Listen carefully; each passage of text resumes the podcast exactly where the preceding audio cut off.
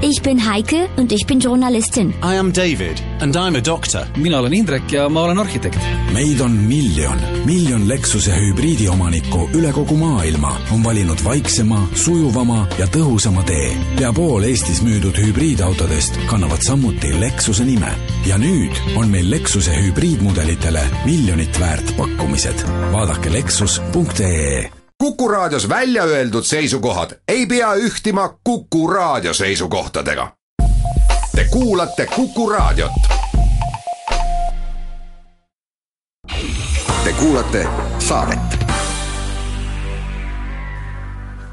kell on veerand kolm, me tervitame stuudios Raivo Varet, tervist! tere! Raivo, me võiks teiega rääkida muidugi miljonil teemal, alates sellest, kuidas Eesti Raudteel läheb ja rääkides sellest, mida Putinist arvata ja nii edasi, aga täna te olete meil stuudiosse kutsutud põhjusel, et rääkida sellest, kuidas kahaneva tööjõuga Eesti majanduses hakkama saada. sest et eh, oma nahk on ikka ihule lähemal, me tahaks ikkagi, et meie riigis oleks asjad kõik hästi ja tulevik hästi läbi planeeritud. keskeltläbi seitse tuhat tööealist inimest kaotab Eesti aastas rahvaarvuga ja see on selge, et ühel hetkel peab see piir ette tulema, et mingil määral eh,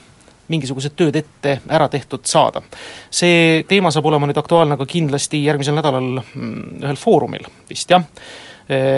kus te ka vastava ettekandega üles astute,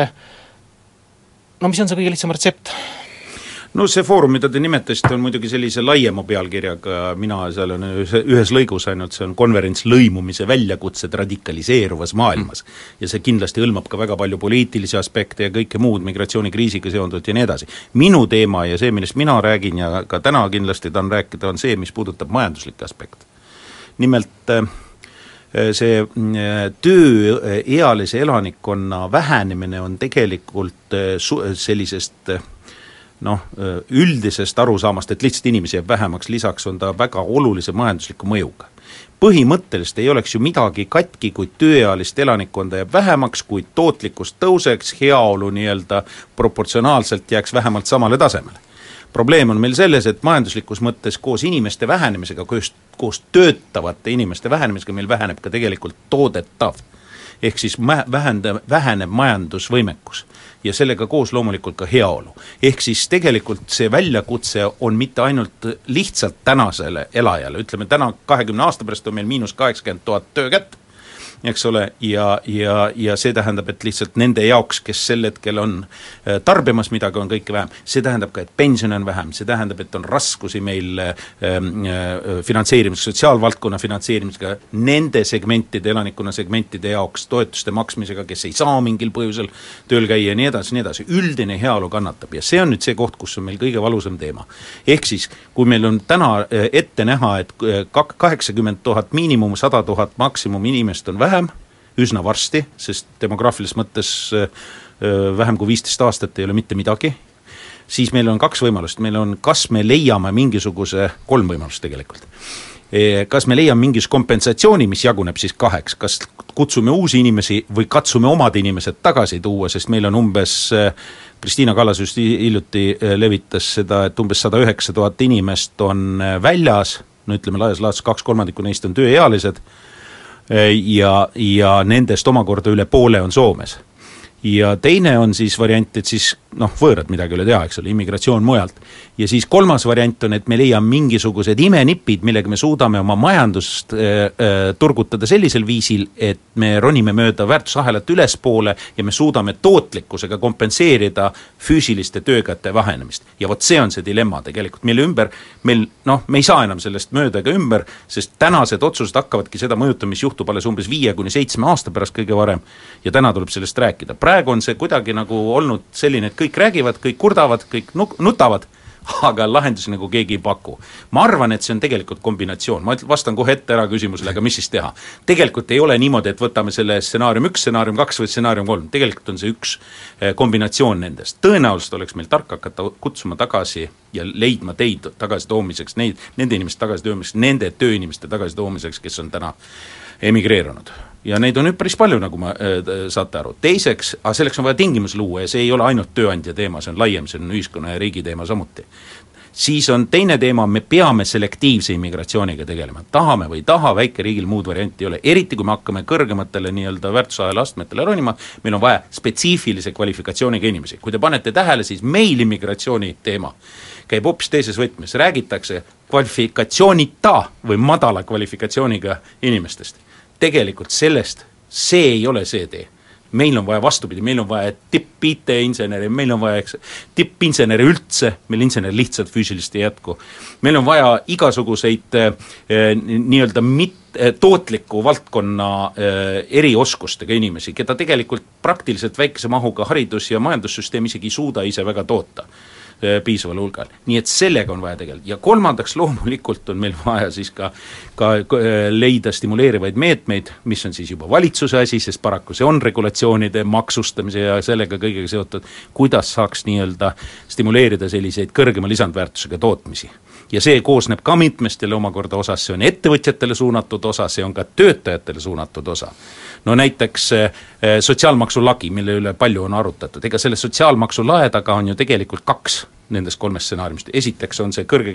kvalifikatsiooniga oma inimeste stimuleerimine, teiseks väljapoolt sisse toodavate spetsialistide osas täpselt samuti. nii et, nii et noh, sellised meetmete kombinatsioon on meie lahendus ja see on pikk töö, see ei ole ühe valitsusprogrammi ega ühe otsustuse küsimus. praegu on äh, see seis, et äh, tööandjad väga palju räägivad sellest, et puudub kvalifitseeritud tööjõud. Äh, neid lihtsalt pole kusagilt võtta, ma tean ühte näidet, näiteks on üks trükikoda, kus on väga spetsiifiline sisseseade ja toodang, nad ei leidnud mitte kusagilt endale trükkarit mujalt kui Indiast ja anti luba tema sissetoomiseks, sellest et selle trükkari väljaõpetamine võtab paar aastat, lihtsalt muidu oleks see trükimasin seisma jäänud. aga kas nüüd see tööandjate süüdistused kvalifitseeritud tööjõudu, kelle kapsaaeda see süü langeb, kas see on sellest, et inimesed on lollid või neil on lihtsalt vale haridus? Noh, ei ole nüüd lollid inimesed sugugi, eks, eks ikka kala püüab ikka sinnapoole, kus on sügavam, eks ole. ja tänane elukorraldus on ikkagi niimoodi, et lihtsam on õppida ja rohkem on võimalik teenida valdkondades, mis võib-olla päris ei ole need tootvad valdkonnad majanduslikus mõttes eh, otsesed tööstuslikud näiteks. Ja ja sellepärast väga palju noori läheb juba varakult, ise teeb neid valikuid, teiseks süsteem, haridussüsteem ise on niimoodi üles ehitatud, see on nüüd see koht, kus saaks asju timmida et ta stimuleerib näiteks, kõik lähme keskkooli ja kõik lähme ülikooli kambaga ja ega selles ei ole midagi halba, ainult et noh, mõned erialad jäävad tühjaks. ja kolmandaks, kolmandaks ma arvan niimoodi, et siin on natukene ka teha, võib-olla tuleks ka vahet teha, et noh, noh, ajutistel kasutusviisidel samuti. no näiteks tööstuses on väga tihti, no ma toon näiteks, näiteks laevaehitus, konkreetsem näide jälle minu poolt laevaehitus, kus on, kus on spetsiifilise keevitusoskusega inimesi või? täiesti spetsiifilise, ärge mu käest küsige, aga neid lihtsalt meil ei valmistata praktiliselt, noh midagi teha ei ole. nüüd kaks varianti, kas me hakkame neid ise valmistama või me toome hoogtöö korras nii-öelda sisse siis, kui ehitatakse laevu, sest laevu kogu aeg ju ei ehita, kogu aeg neid ka vaja ei ole. süsteem peab paindlikum olema. noh ja, ja üleüldse ma võin kohe nagu laiemalt öelda, et näiteks äh, Äh, kvalifitseeritud äh, tippkvalifikatsiooniga tööjõud liigub maailmas muuseas hoopis huvitava vormeli järgi, ega nad väga ei liigu nii, et tulevad ja jäävad elama. Kolm-viis aastat, noh, ütleme sellisest rohkem vaimse tööga seotud valdkondades äh, kolm-viis aastat, rohkem käelise tegevusega seotud spetsiifilise kvalifikatsiooni puhul viis-seitse aastat, inimesed püsivad paigal ja siis liiguvad edasi. selle jaoks, sellise paindlikkuse jaoks meil üldse ei ole mitte mingisugust regulatiivset valmisolekut ja ehtne näide muide Island, kus praegu ühes suuruselt teises linnas, ma ei hakka teda välja hääldama, ma ei oska, aga seal on, äh, moodustavad suurima kogukonna poolakad, keda on kolm tuhat, kes ehitavad sinna alumiiniumitehast praegu.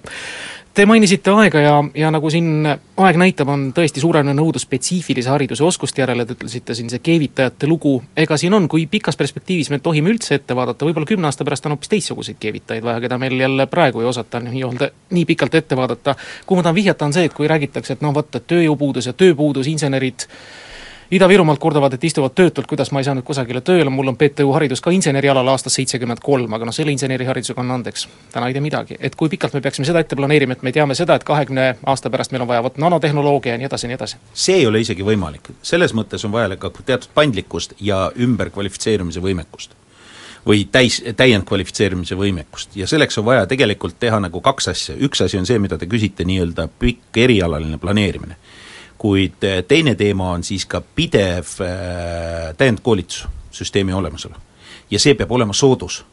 see peab olema selline, mis ka on hästi paindlik, kiire toimega ja soodus. majanduslikus mõttes soodus inimestele ja ettevõtetele siis see asi on niimoodi, et me küll ei planeeri ette, mitu nanotehnoloogi meil aastal kaks tuhat kolmkümmend vaja on, aga me teame, et me suudame aastal kaks tuhat kakskümmend ja kakskümmend viis valmistada ette järjekordse portsu neid, juhul kui see vajadus on tekkinud. vot see on see koht ja järelikult äh, ka tuleb ka välismaalt tuua selleks ajaks vähemalt äh, kindlad spetsialistid sisse, et me ei jääks teistest maha, et me ei saaks mingi uuel tootmisharul, millest me siiani ei ole aimugi, et me ei saa selle tootmisharu edendama hakata, sest kusagil maailmas on äh, spetsialistid olemas, tulevad siia ja nagu sai öeldud, eks ole, et nad liiguvad ju edasi. ja mul on hea näide Eesti Vabariigi ajast muidugi tuhande üheksasaja kaheksateistkümnendast aastast ehk esimesest vabariigist, nagu on tihtipeale kombeks öelda. nimelt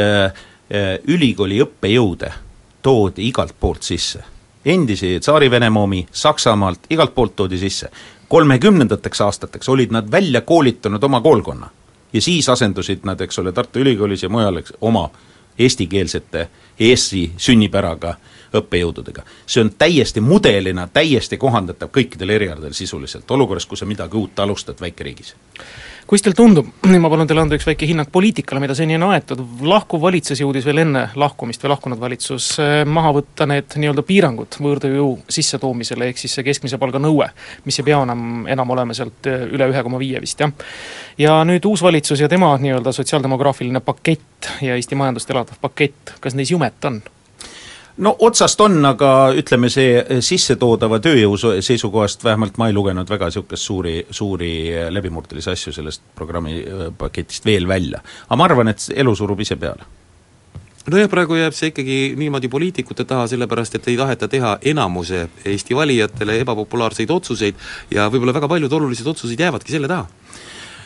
noh, ega siis me ka teame, et, et poliitika elab natukene omaette maailmas ja mullis ja vahest ka elust natuke jääb maha, aga mina olen jälle selles mõttes optimist, teate, mina usun, et tegelikult ükskõik mis kooseisusega, ükskõik millised meil valitsejad siin mõne aja pärast jälle on, nad ikkagi teevad need otsust, vajalikud otsused ära, nad teevad poole teraga, nad ei tee piisavas mahus, aga teevad. no praegu hea näide on sotsiaalmaksu lagi noh, puhtfiskaalsetel põhjustel seda teha täna ei saanud, eks ole, tõmmati tagasi ka see pool protsenti, mis ei oleks päästnud, aga tegelikult see, millest räägitud on, kõrge kvalifikatsiooniga töötajate jaoks sotsiaalmaksulaest, vähemalt ajutiste töötajateks, vot samaste migrantide nii-öelda tipp IT-inimeste jaoks, kes tulevad kolmeks-viieks aastaks, vabalt võiks teha, sel ei ole solidaarsuse teemaga ka mingit pistmist tegelikult vot seda veel ei ole valmisolekut teha, sest see on noh, meede maksab, eks ole, rahakatet ei ole, praegu lükkame edasi. varem või hiljem see tuleb ära teha kuidas teile tundub, kas Eesti ettevõtjal, te suhtlete nendega palju, on see valmisolek ikkagi maksta näiteks Euroopa mõistes konkurentsivõimelist palka inimesele, tippspetsialistile, kes tuleb tagasi? oleneb valdkonnast eh, niikaua, kuni me istume eh, madalamates nišides allhankes, andke andeks, ei ole lihtsalt võimalik, majanduslikel objektiivsetel põhjustel, siis lihtsalt see äri läheb kinni.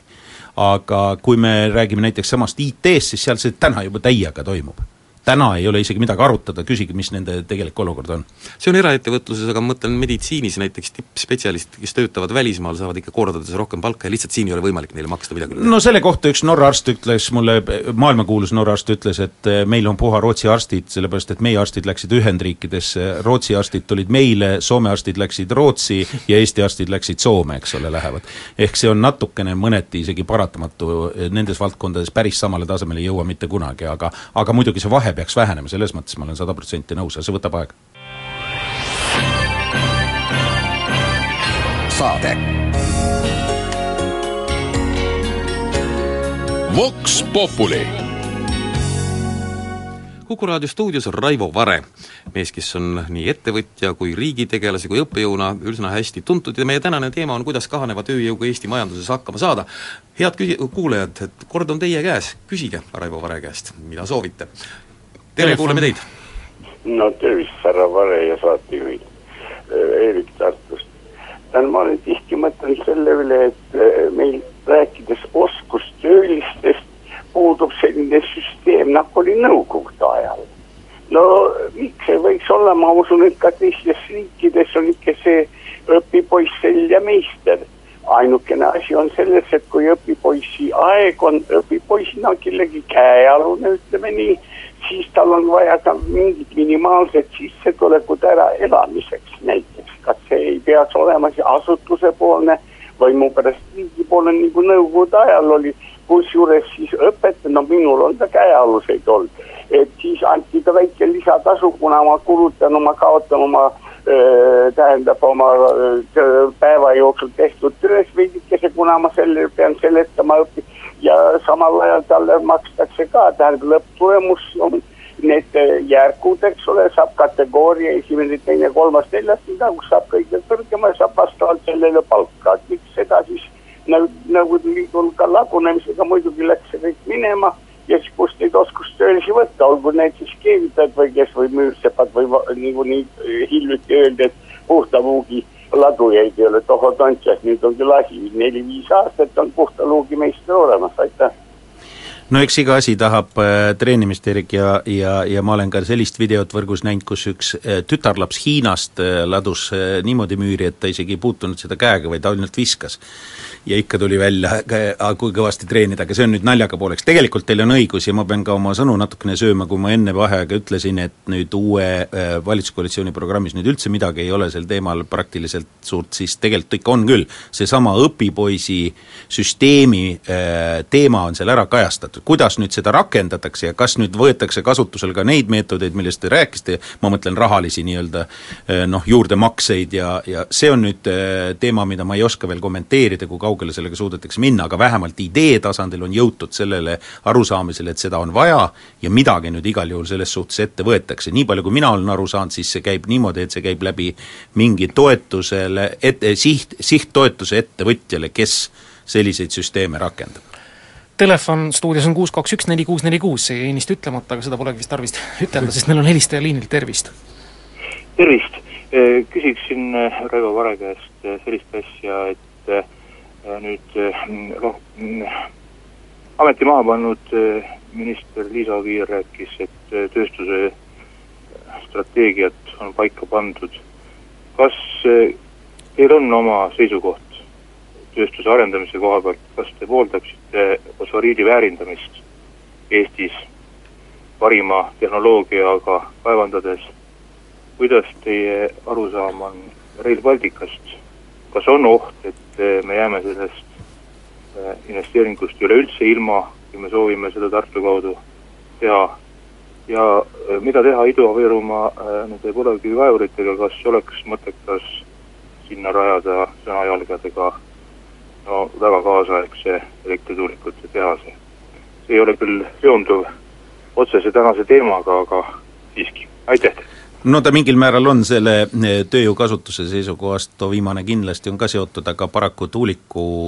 maailm on selline, et seal väga palju töötajaskonda vaja ei ole selles mõttes ta ei asenda sellist industriaalse suurtootmise iseloomuga eh, kaevurite suurt hõivet kindlustavat eh, tootmist, see on jah, see on lahendus, aga aga see on selline tööjõu seisukohast ainult osaline lahendus, pigem on see nagu teistmoodi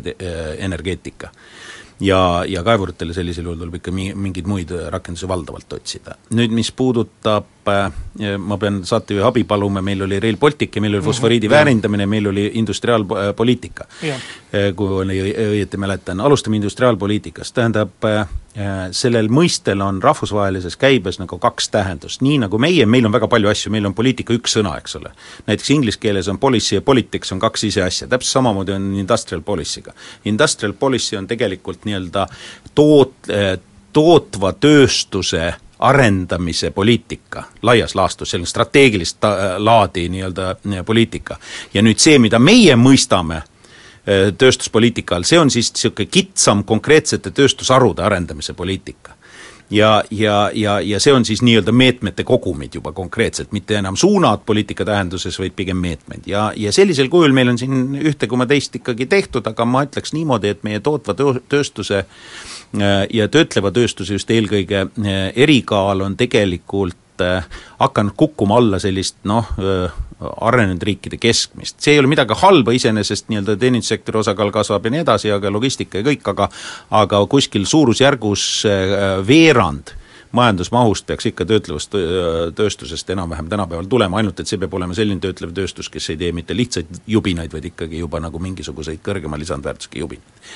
ja, ja selle jaoks on vaja tõesti eri, eraldi meetmete äh, kogumit ja poliitikat ja vot sellega on meil natukene murelik. Meil on teatud harukondlikke nii-öelda plaane, aga meil ei ole päris sellist terviklikku nägemust ei eelmisel ega ka praegusel veel minu arusaamise järgi valitsusel ega ka üle-eelmisel ammugi ei olnud, kuidas seda töötlevat tööstust tervikuna vaadelda ja toetada, sõltumata harudest või, või, või nii-öelda vähem pöörates tähelepanu konkreetsetele harudele. See üldlähenemine, no see on terve rida asju, no seesama hariduspoliitika sinna juurde kuulub äh, ja kvalifikatsiooni äh, ja kaadri ettevalmistus, siis need äh, käivitamise perioodil suurte näiteks masinate hanke perioodidel seotud maksustamise ja finantseerimisküsimuste abi nendes küsimustes ja nii edasi, aga mingid meetmed on nüüd tekkinud ja selles mõttes ka lahkunud ministril on õigus, et no näiteks su-, suur, suuremat sorti masinasoetuste jaoks oli nüüd meede välja töötatud aga see ei ole klassikalises mõttes poliitika, see on lihtsalt üks meede, eks ole. nii et sellega tuleb tegeleda edasi. nüüd mis puudutab äh, fosforiidi väärindamist, jah, mina olen seda meelt, et fosforiiti tuleks väärindada, Eesti fosforiit on üks parimaid oma kvaliteedilt maailmas, teda on võimalik ka sellisel viisil hankida, et ei peaks selleks lõhkuma maad nii hullusti ja ei pea ka tohutult sisse tooma võõrtööjõudu kõigele lisaks, küll aga asendust nii-öelda üha kokkutõmbavale mm, äh, põlevkivikaevandusele pakuks ta ka tööjõu kontekstis kaevuritele ja nii edasi, ja kolmandaks on tal kindlasti on oluline see, et seda, seda, seda märksõna väärindamine me ei unustaks, tähendab, kaevandamine on tegelikult äh, Äh, kõige väiksem osa, kõige tähtsam osa on, mis me sellest teeme ja täna äh, see, mida sellest annab teha eelkõige suures väetisenäljas ja, ja keemiliste komponentide näljas oleva maailma jaoks, on päris märkimisväärne, see annaks tohutu hea lisandväärtuse meie ekspordipotentsiaalile ja meie ekspordinumbritele ja meie maksebilansi tasakaalule ja meie heaolule tervikuna aga teha tuleks targalt, aga igal juhul ei tohi teha nii, nagu siiani on see harrastatud, et äh, mängitakse seda tabumängu, vot me ei räägi, eks ole, ja kogu lugu, ei tahagi teada. see on kõige hullem asi maailmas, kui ma ütlen, et ma ei tahagi midagi teada, sest see on tegelikult noh, entroopia. ja see on häving lõppkokkuvõttes ja ühiskonna jaoks igal juhul sellisel põhimõttel. nüüd mis puudutab Rail Balticut, Rail Balticuga on nüüd niimoodi, et Rail Balticu teema jaguneb nagu kolmeks. esiteks Rail Baltic ise, pikk jutt, võib-olla te seda kuulda ei taha, aga praeguse konfiguratsiooniga on see ainult pool tehtest. nüüd äh, siis teiseks Äh, Rail Balticu teel olevad, meist väljaspool olevad ja meie poolt ainult osaliselt parimal juhul mõjutatavad faktorid, mis näiteks seonduvad sellega, et Poola ei ole väga sellest huvitatud, nimetame asju õige nimega, ja ei tee jõupingutusi omalt poolt, mis oleksid vajalikud, rääk-, äh, rääkimata sellest, et näiteks leedukatel on täiesti oma agenda, kus nad tahavad, et kaubad käiks läbi Kaunase ümberlaadimisega ja reisijate vedu käiks läbi Vilniuse ja sõidaks üldse Minski peale sealt edasi, nagu see vana süsteem oli ja ja seal on palju varjatud selliseid asju, mille puhul me ei saa midagi teha ja ja kolmas teema on siis see, et noh, meie enda territooriumil kulgemine ja, ja kõik nagu räägivad sellest, et Rail Balticu peaks kinni maksma kaup, aga mõeldud on ta tegelikult reisijate veoks ja siin, ja siin on meil siis olukord, kus meil on täna raha puudu, et olemasolevaid raudteetrasse arendada transpordi arengukavas aastani kaks tuhat kakskümmend üks, kinnitatud kavas muuseas ette nähtud eh, standarditeni, me teeme kõik endast olenev, et see juhtuks niimoodi, aga, aga hirmus raske on, sest tulubaas on nagu teadupärast, seda maksis ju kõik kinni jällegi kaup ja see oli transiit ja Venemaa, seda enam ei ole sellisel viisil ja, ja, ja nüüd sellises olukorras me räägime niimoodi laia lõua ja, ja lahtise käega sellest, et me paneme raha kuhugi mujale ja, ja tekitame veel täiendavaid mingeid probleeme. no, no ma ei räägi sellest, et ka Haapsallu sõitmine on juba, juba luksus tänases olukorras, kui meil veel Tartusse on probleeme sõitmisega ja, ja ma ei räägi ka sellest, et eh, valdav osa ka uuringute jaoks muuseas, valdav osa reisijaid ei hakka sõitma Berliini sellesama potentsiaalse Bolt-, Rail Balticuga, sõidab hoopis Riiga aga mis on oluline, on see veel, et kui te küsite, kas on võimalik olemasolevat trassi rakendada, on küll, aga ainult sellel on hind.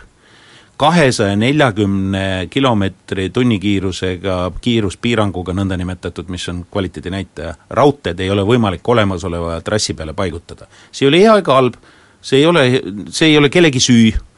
aga lihtsalt ei ole võimalik. ehk siis tegelikult, kui me tahame teha Rail Balticu läbi Tartu, siis me peame kohe ütlema A-le B järgi ja see B ütleb, et tegelikult ei ole mõtet siis enam seda äh, Euroopa rööpa laiust sinna panna, vaid on võima-, on mõistlik hoopiski saja kuuekümne kilomeetrise tunnikiiruse peale olemasolevat tehnoloogiat üles nii-öelda arendada, mis on täiesti võimalik, ei olegi hirmus kallis, ja siis äh, kuskil siis toimub siis rööpalaiuse vahetus, selleks ei ole vaja muuseas nagu vanasti vahetati rattaid, tõsteti vaguneid üle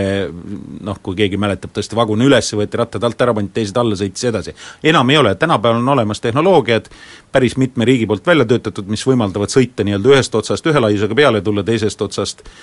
teise laiuse, mm, rattapaari laiusega välja ja, ja, ja see on suhteliselt voolujooneline, kiire ja, ja mugav lahendus olemas, ainult et neil sellised rongikoosseisud on lihtsalt natuke kallimad, aga see on ikka odavam kui tohutuid eh, massiivseid eh,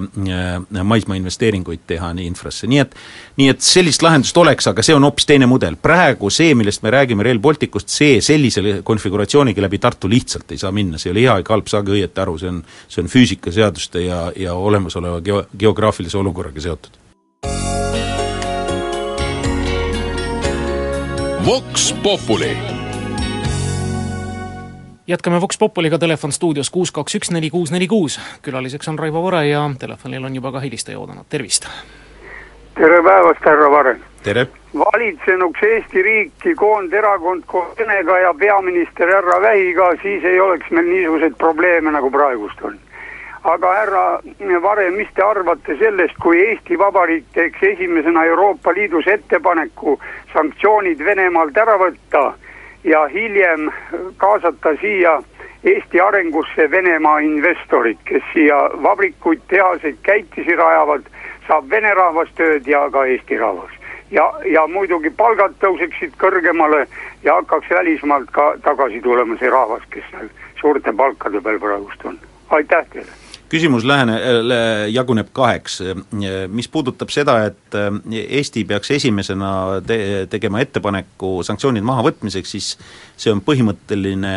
valik, mida Eesti peab tegema, sellepärast et see on seotud otseselt sellega, mille pärast sanktsioonid on sisse viidud. ma ei usu, et Eesti seda valikut saab teha, valdava osa ühiskonna poolt tõenäoliselt ei oleks see ka vastuvõetav ja see oleks ka omamoodi väga kurb, sellepärast et see on tagasiminek vanadesse aegadesse, mis ei olnud kõige mõistlikum ei oleks, aga mis puudutab äh, küll aga loomulikult ei pea igal pool ka esirinnas olema, see on teine teema. Äh, nüüd, mis puudutab äh, seda Vene investorite teema, siis võib-olla kuulaja ei tea, aga ega tegelikult Vene kapital Venemaalt põgeneb ja nipet-näpet on Eestisse ka jõudnud, selle nimel tuleks rohkem sihikindlat tööd teha, et seda oleks rohkem, aga ka täna on juba näiteid ja nagu Aquafor näiteks ja on ka kindlasti jätkuvalt edasi ja ma tean, et ka päris mitmetes nii-öelda vähem nähtavates valdkondades on, on Vene investorid täiesti nii-öelda liikunud siia, on olemas. nii et eh, põhimõtteliselt ei saa väita, et Vene investor sellepärast nüüd siia ei tule, et see, see, meie oleme siin sanktsioonidega ühinenud, küll aga see mingil määral pärsib eelkõige äh, teatud valdkonna investorite tulekut. noh, eh, intellektuaalsema eh, tegevusvaldkonnaga seotud investorite jaoks see ei ole takistus, see on põhiliselt teema eelkõige tööstusinvestorite jaoks ja see on kindlasti teema tööstuspiirkondade jaoks ja, ja, ja noh, ütleme niimoodi, et praegu äh, mingisugused lootused on, et järsku teema, äh, teema läheb natukene pehmemaks ja va-, äh, pinged vähenevad ja siis võib-olla tekivad sellised võimalused rohkem, aga aga ma arvan, et äh, see on natukene kinni ka Venemaale suunatud nii-öelda tegevuses. me peame rohkem riigina ja, ja oma majanduskeskkonna ennast sinnapoole ka müüma. ja näiteks IT-valdkonnas on see meile natukene õnnestunud ja asjad kohe liikusid, teistes valdkondades nii palju ei ole õnnestunud kahjuks veel. Telefon kuus kaks üks neli kuus neli kuus on taas helisenud, tere! tere päevast! Mul oleks mõningad küsimused selles suhtes, et äh, siin on kaevandustest räägitud ja fosforiidi kaevandamisest, aga kas on üldse võimalik see vene komme ära jätta, kui praegu vaadata põlevkivi kaevandamistki, kõik turvas ja puud ja baas ja kruus, liiv, kõik läheb ühte hunikusse paljandus-ekskavaatoriga ja jääb sinna hunikusse, kas ei peaks ikkagi katsuma need asjad ära kasutada ja mitte ronima kuskile mujale külade alla pinnast ära võtma. ja teine küsimus, kus kohalt võetakse Pärnu liinil Rail Baltica teetammi jaoks materjal? karta on, et üks igavene seasööma jääb kahele poole raudteed ja teiseks Rail Baltica suhtes Pärnu tagamaa on ju väike, nagu Ardo Aasmäe ütles, sada tuhat inimest on tagamaa, aga samas läbi Tartu jõuaks poole miljonini potentsiaalsete sõidu, teenuse tarbijate arv. ja loota on, et kui Venemaaga olud paranevad, võib-olla isegi Petrogradist tuleb Tapale tavalise rongiga, et kiirrongi peal ümber istuda. Novgorod, Pihkva, Tartusse, et nagu lootus oleks hoopis teine. ja teiseks, et suured kaevandused, aga samas, mis tehakse nende suurte aheraine mägedega, mis praegu on miljonid, miljonid tonnid seal ja siis kas see saab raudteetammile vedada või ei saa. Tartu kandist või Tartu kaudu tammi tehes oleks võib-olla lähem vedada aitäh küsimuste eest! no alustame sellest, et mis puudutab äh, äh, seda tammi äh,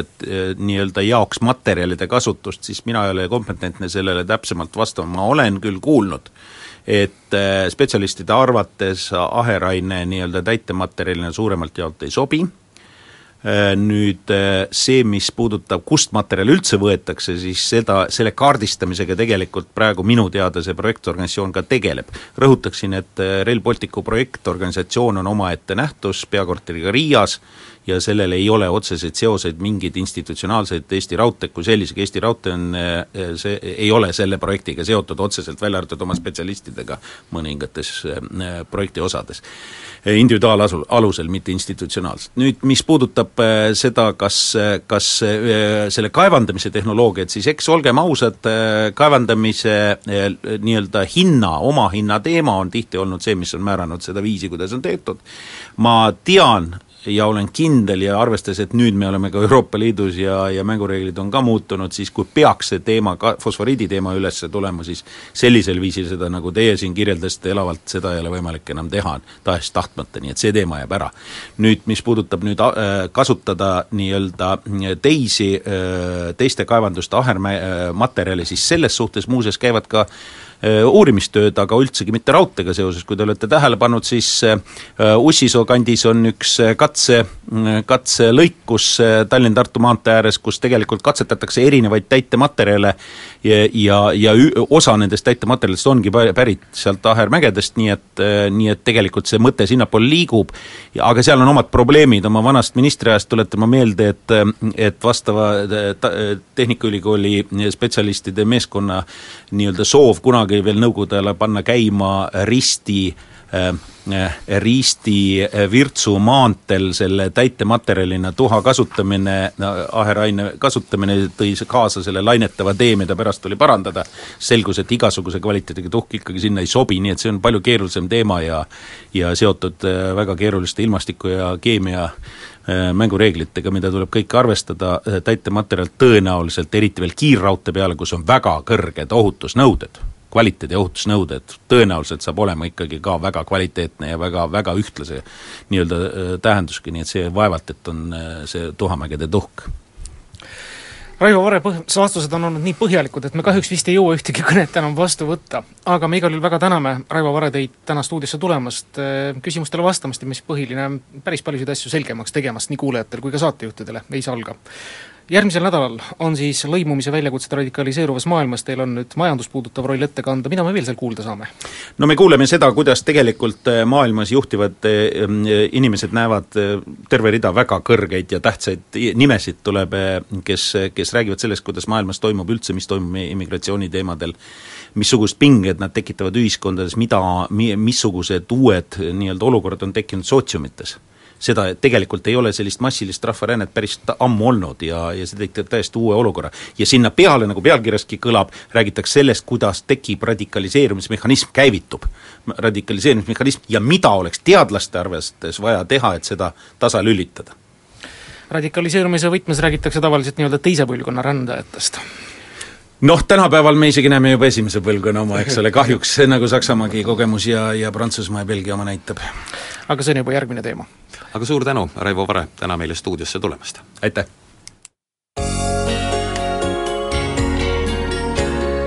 Vox Populi